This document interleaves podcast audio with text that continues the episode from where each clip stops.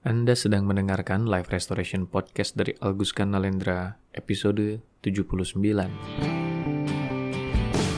Selamat datang di Live Restoration Podcast, inspirasi restorasi kehidupan dan transformasi diri untuk membantu mendesain kehidupan terbaik yang layak Anda dapatkan sesuai jati diri otentik Anda.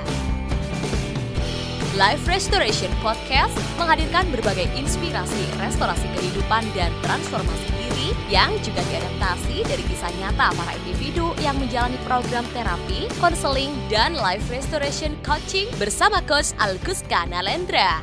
Halo para sahabat sekalian, di mana pun Anda berada, semoga selalu dalam keadaan sehat, berkah berlimpah, dan damai berbahagia selalu di mana pun Anda berada bersama mereka yang Anda kasihi. Berjumpa kembali di Live Restoration Podcast seperti biasa bersama saya, Agus Kanalendra, di episode ke-79 kali ini. Episode yang spesial pastinya, karena diunggah dalam nuansa perayaan Hari Raya Kemerdekaan negara kita tercinta, Indonesia yang ke-77. Itu kenapa judul dari episodenya pun berhubungan dengan kemerdekaan. Begitulah Sebagaimana Anda tentunya juga sudah familiar dengan isi dan nuansa dari podcast ini, audio podcast ini saya buat segar setiap episodenya. Yang menjadikan apa pun nuansa terkini yang sedang terjadi, ya itulah yang diangkat sebagai bahasan dalam podcast ini. Mungkin ada yang tergolong baru juga berkunjung ke podcast channel ini dan belum terlalu paham kenapa ada istilah segar tadi saya sebutkan.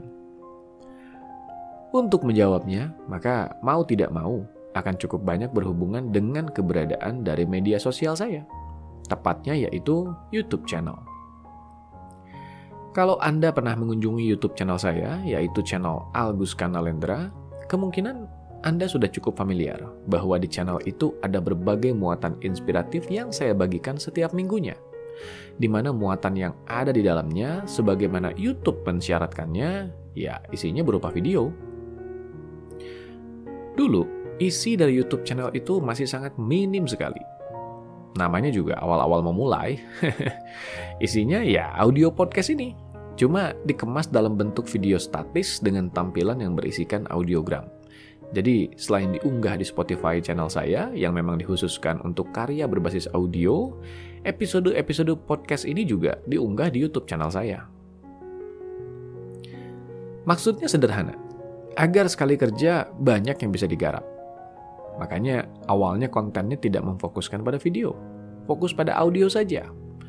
Kalaupun dijadikan video, itu karena jenis file itulah yang dipersyaratkan oleh YouTube untuk diunggah. Begitu sebenarnya awalnya. Tapi sebagaimana Anda juga tahu, market di YouTube ya pastinya mengharapkan isi konten itu dominannya visual. Karena memang platform itu ditujukan untuk konten berbasis video kan. Maka mulai banyak yang meminta agar konten berbasis video juga disiapkan. Nah, jadi beda nih ceritanya sekarang. Akhirnya, karena konten berbasis video juga disiapkan, pengaturan aktivitas jadi tidak bisa seperti dulu lagi. Perlu ada waktu khusus yang dicurahkan untuk menyiapkan dulu konten-konten yang akan dimuat. Apalagi kontennya berbasis video kan? Maka berbagai konten yang ada di YouTube channel menjadi konten yang saya siapkan jauh-jauh hari Sekali perekaman video, maka beberapa episode sekaligus yang disiapkan. Agar efisien pengaturan waktunya. Karena kan saya juga masih harus menjalankan pekerjaan utama saya sebagai hipnoterapis dan coach yang membantu para klien yang memesan jadwal bersama saya. Belum lagi masih ada jadwal mengajar di kelas-kelas pelatihan yang saya juga fasilitasi. Nah, berbeda dengan audio podcast ini. Kalau konten berbasis video kan saya siapkan jauh-jauh hari di awal kalau audio podcast ini saya siapkan segar setiap minggunya. Jadi, di minggu di mana episodenya diunggah, ya di minggu itu perekaman dilakukan dan diunggah. Makanya sekarang ini jadwal audio podcast ini menjadi dua minggu sekali. Tidak seperti dulu yang seminggu sekali. Untuk menyiasati agar pembuatannya tetap terhandle dengan baik. Kalau dipaksakan di seminggu sekali, takutnya malah berbagai jadwal jadi berantakan dan tidak tertangani. Nanti deh ya, kalau sudah mulai lebih terkelola pengerjaan dan pengaturan waktunya, mungkin kita akan kembali ke jadwal lama di mana podcast ini diunggah seminggu sekali. Anyway, saatnya mulai masuk ke materi di episode kali ini. Tapi sebelum masuk ke episode kali ini, saya juga ingin meluruskan dulu ya. Karena ada saja pendengar yang kadang-kadang berkomentar, harusnya bahasanya langsung to the point saja, jangan kebanyakan di pembukaan. Ya, maaf kalau hal itu agak tidak cocok bagi Anda yang baru kenal dengan audio podcast ini. Tapi izinkan saya menjelaskan bahwa audio podcast ini bukan ditujukan untuk sekedar upload konten terus berlalu, bagi saya, audio podcast ini menjadi sarana untuk menyapa dan berbagi kabar terkini bagi para follower dan subscriber yang setia membersamai perjalanan channel-channel media sosial saya. Apalagi cukup banyak penyimak episode-episode podcast saya adalah penyimak setia yang memang sudah mengikuti sejak awal channel podcast ini dibuat. Sudah seperti klub deh pokoknya. Makanya saya selalu menyempatkan diri untuk berbagi kabar-kabar terkini dulu di awal sebelum masuk ke inti materi. Kalau Anda termasuk yang tidak nyaman dengan itu, ya dipercepat saja episodenya. Kan bisa seperti itu. Atau malah baca saja transkripnya yang ada di website saya. Pasti lebih cepat sampai ke inti materi. Nah, ada kok linknya saya sertakan di kolom deskripsi di YouTube channel saya. Kali ini kita masuk ke materi ya. Baiklah, kalau begitu selamat merayakan Hari Raya Kemerdekaan ke-77 negara kita tercinta, Indonesia. Semoga semangat dan hakikat kemerdekaan di perayaan hari jadi negara kita ini bisa menjadi pijakan yang memperkokoh perjalanan hidup kita semua untuk menjadi pribadi merdeka. Nah, pribadi merdeka. Apa yang muncul di pikiran Anda ketika mendengar kata-kata itu? Iya dong, membicarakan kemerdekaan ya bukan hanya dalam konteks kenegaraan saja. Sebagai individu atau pribadi, kemerdekaan itu juga penting bagi diri kita sendiri yaitu untuk bisa menjadi pribadi yang merdeka. Tapi ya kembali ke pertanyaan tadi, apa yang dimaksud pribadi merdeka ini? Agaknya ironis kan kalau kita memperjuangkan sesuatu yang kita sendiri tidak tahu artinya. Apalagi kalau sampai merayakannya. Jadi tidak jelas apa yang diperjuangkan dan tidak jelas apa yang dirayakan jadinya. dalam pandangan saya pribadi, sekali lagi, ini dalam pandangan saya loh ya Kemerdekaan adalah sesuatu yang terhubung dengan kendali. Negara yang merdeka adalah negara yang memiliki kendali. Pribadi yang merdeka adalah pribadi yang memiliki kendali. Kurang lebih begitulah cara pandang saya. Kenapa kendali ini yang menjadi perlambang kemerdekaan? Ya, karena kalau apa-apa masih di luar kendali, apa-apa masih harus diatur atau didikte oleh pihak lain, apa bedanya dengan dijajah? Tidak merdeka dong namanya itu. Mau dalam konteks kenegaraan ataupun pribadi, kurang lebih sama arahnya. Kendali ini menjadi sesuatu yang menentukan tingkat kemerdekaan diri kita. Apakah kita punya kemerdekaan atau kendali untuk menentukan arah hidup kita? Kalau ya, maka sebagian dari kemerdekaan ini sudah kita miliki. Sebagian loh ya, karena masih ada sebagian lain yang nanti akan ikut menentukan apakah kemerdekaan ini kemerdekaan sejati atau semu. Kenapa kendali untuk menentukan arah hidup? Karena kan ada sebagian orang yang tidak memiliki hal ini. Mereka tidak punya kendali untuk menentukan arah hidupnya sendiri. Mereka menjalani arah kehidupan yang mereka sendiri tidak tahu kenapa harus mereka jalani. Ada yang diatur atau dikondisikan oleh orang lain, ada yang merasa tidak punya pilihan, dan lain sebagainya. Intinya, mereka bukan menentukan sendiri arah kehidupannya. Mereka menjalani arah kehidupan yang sebenarnya bukan arah kehidupan yang mereka inginkan, tapi tidak kuasa menolaknya, atau tidak tahu apa yang harus dilakukan di situasi dilematis yang mereka jalani. Tapi, apakah itu seolah-olah menandakan bahwa orang yang menjalani kehidupan yang sebenarnya bukan pilihan mereka ini adalah selalu orang yang tidak merdeka? Tidak juga. Justru di sini kita membicarakan hakikat dan syarat yang lebih dalam dari kemerdekaan itu sendiri. Hakikat dan syarat yang kalau tidak ada di dalamnya, maka kemerdekaan itu tidak akan tercapai. Atau kalaupun seolah-olah tercapai, maka hal itu menjadi kemerdekaan semu, bukan kemerdekaan sebenarnya. Saya mendefinisikan kemerdekaan di level yang lebih mendalam, bukan sebatas kemampuan untuk menentukan arah kehidupan tapi juga kemampuan untuk membebaskan diri dalam memilih dan memaknai kehidupan ini sendiri. Tidak serta-merta hanya menerima dan menjalani kehidupan dengan makna yang lingkungan di luar diri kita tanamkan atau bangun sebagai persepsi dalam pikiran kita.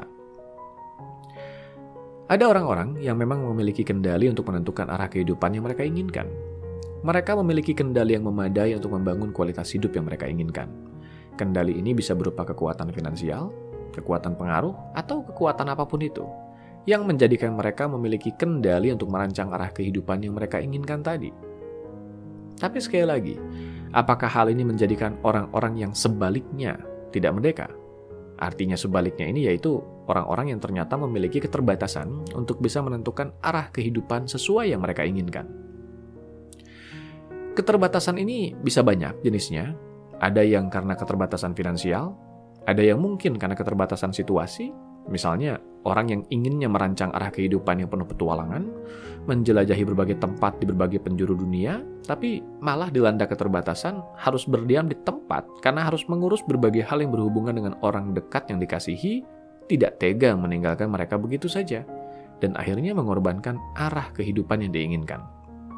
Nah, Apakah orang-orang ini adalah orang-orang yang tidak merdeka? Tunggu dulu. Ingat bahwa kemerdekaan ini juga berhubungan dengan kemampuan untuk membebaskan diri dalam memilih dan memaknai kehidupan ini. Artinya, hanya karena seseorang menjalani arah kehidupan yang seolah bukan arah kehidupan ideal yang sebenarnya diinginkannya, bukan berarti ia tidak merdeka. Bukan berarti ia terbelenggu. Karena yang menjadikan seseorang merdeka atau terbelenggu justru ada dalam pikirannya sendiri. Kalau orang-orang yang menjalani arah kehidupan yang bukan mereka inginkan ini justru bisa menerima yang terjadi dengan rasa syukur dan ikhlas, maka mereka justru menjadi pribadi yang tidak kalah merdeka dibandingkan mereka yang memiliki kendali untuk menjalankan arah kehidupan sebagaimana mereka menginginkannya. Loh, kok bisa?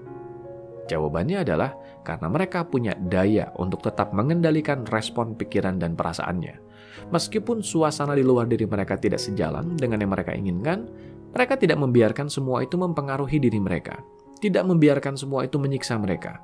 Mereka tetap memilih untuk merasa tenang, nyaman, dan biasa saja, bahkan bergembira. Kurang merdeka apalagi coba itu. Ini yang disebut merdeka sejati malahan.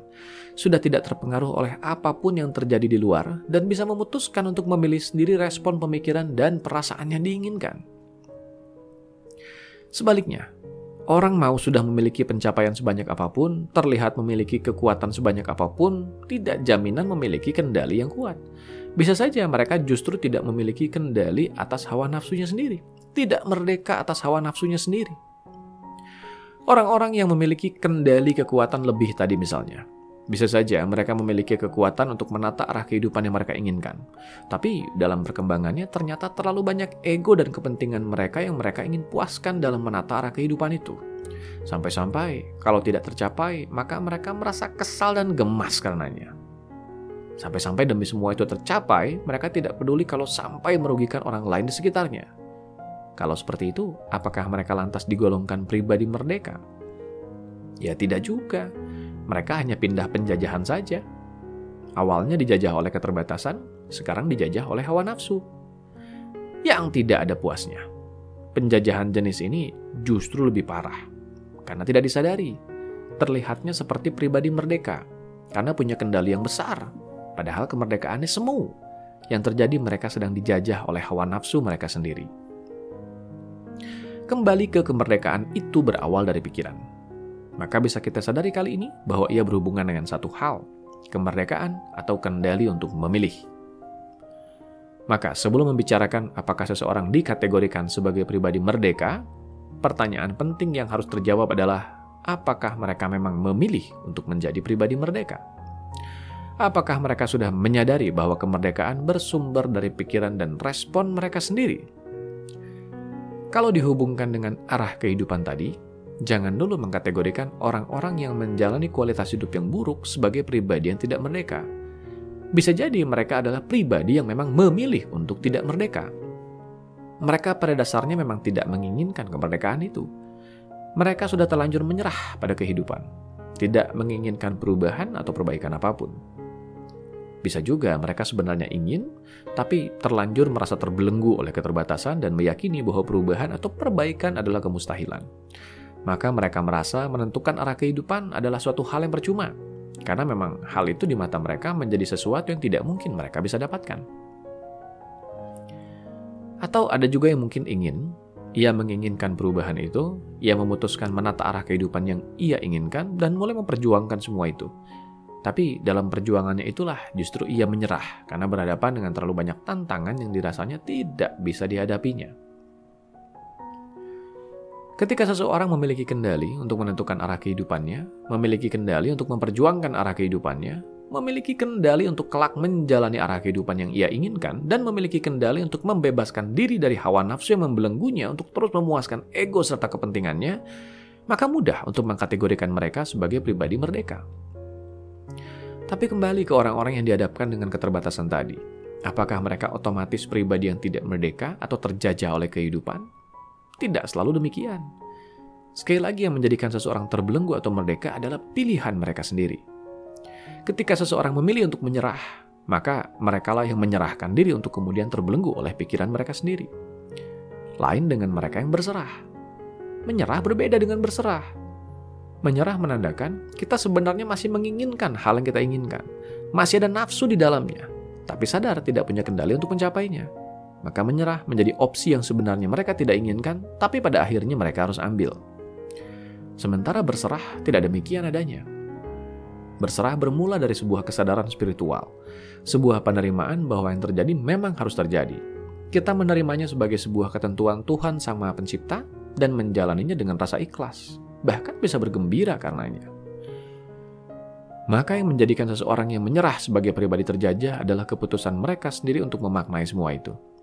Mereka memaknai itu sebagai situasi yang dilematis, situasi di mana tidak ada pilihan, situasi yang menyiksa, dan berbagai konotasi negatif lainnya. Maka inilah yang dimaksudkan sebagai terjajah. Mereka sedang terjajah oleh liarnya pikiran mereka sendiri yang memutuskan untuk memilih makna yang tidak memberdayakan atau menyiksa atas situasi yang dialaminya. Sehingga waktu demi waktu yang mereka habiskan dengan pemikiran itu semakin membuat mereka terbelenggu dan terjajah. Berserah tidak berarti menyerah Orang-orang yang berserah tahu mereka sedang berhadapan dengan sesuatu yang berada di luar kendali mereka, dan mereka bisa menerima hal itu. Mereka tidak serta-merta membuang harapan begitu saja. Mereka bisa berdamai dengan keadaan sambil mengamati situasi. Mereka tahu bahwa kehidupan selalu berputar dan peluang bisa hadir kapan pun. Maka mereka tidak menutup mata dari kemungkinan bahwa kalau suatu hari peluang itu datang, mereka akan siap untuk menjemputnya. Tapi selama mereka masih harus berhadapan dengan situasi yang berada di luar kendalinya, maka mereka memilih untuk memaknainya dengan makna yang lebih memberdayakan. Mereka menyadari bahwa apa pun situasi yang terjadi di luar diri mereka, mereka selalu memiliki kebebasan untuk memilih dengan cara apa mereka akan merespon situasi itu. Inilah yang tadi sempat kita bahas dan juga menjadi esensi dari kemerdekaan tingkat tertinggi. Kendali untuk menentukan respon pemikiran dan perasaan diri sendiri – bisa memilih respon positif atau membahagiakan, terlepas dari apa pun yang kita alami. Definisi dari menyenangkan atau menderita adalah hasil bentukan dari lingkungan di luar diri kita. Di sepanjang pengalaman tumbuh kembang yang kita alami, kita diajarkan oleh lingkungan dan proses berpikir otomatis dalam diri kita sendiri yang dulu dengan keterbatasan kita sulit kita kendalikan. Sehingga kita diajarkan untuk mendefinisikan hal-hal yang menurut kita akan membuat kita bahagia atau sebaliknya berdasarkan yang kita alami di luar diri kita. Saya bahagia kalau, saya tidak bahagia kalau. Nah, itu adalah dua contoh berbagai bentukan lingkungan yang mengajarkan kita untuk merasa bahagia dan menderita berdasarkan yang kita alami di luar diri kita. Yang membahagiakan kita ternyata bergantung dari apa yang kita alami di luar diri kita. Kalau hal itu tidak ada, maka kita jadi tidak bahagia dan bahkan menderita karenanya. Kalau seperti itu, apa bedanya dengan dijajah oleh pikiran kita sendiri kan? Tapi manusiawi tidak? Ya manusiawi, namanya juga manusia. Cuma kan belum tentu manusia merdeka. Hehehe. Sekarang bergantung pada kita, ingin jadi manusia merdeka atau tidak. Lagi-lagi itu pilihan. Menjadi manusia merdeka di levelnya yang tertinggi ternyata mensyaratkan kita untuk memiliki kendali penuh untuk bisa memilih respon pemikiran dan perasaan kita atas apa pun yang terjadi di luar diri kita. Apa pun boleh terjadi di luar diri kita, tapi kitalah yang menentukan dengan cara apa kita akan merespon hal itu. Tidak membiarkan segala hal yang tidak kita inginkan itu mempengaruhi kita secara negatif. Apakah mudah? Tentu tidak. Tapi namanya juga kemerdekaan. Tentu didapat dengan perjuangan, bukan? Kalau didapati dengan kemudahan, ya bukan kemerdekaan dong. Itu keberuntungan atau bahkan kebetulan. Memang tidak mudah, tapi hasil akhirnya tentu sepadan. Nah, selamat merayakan Hari Raya Kemerdekaan negara kita tercinta, Indonesia. Mari belajar dari semangat kemerdekaan ini untuk bisa berjuang menjadi pribadi merdeka yang sesungguhnya, mencapai kemerdekaan sejati kita suatu hari nanti.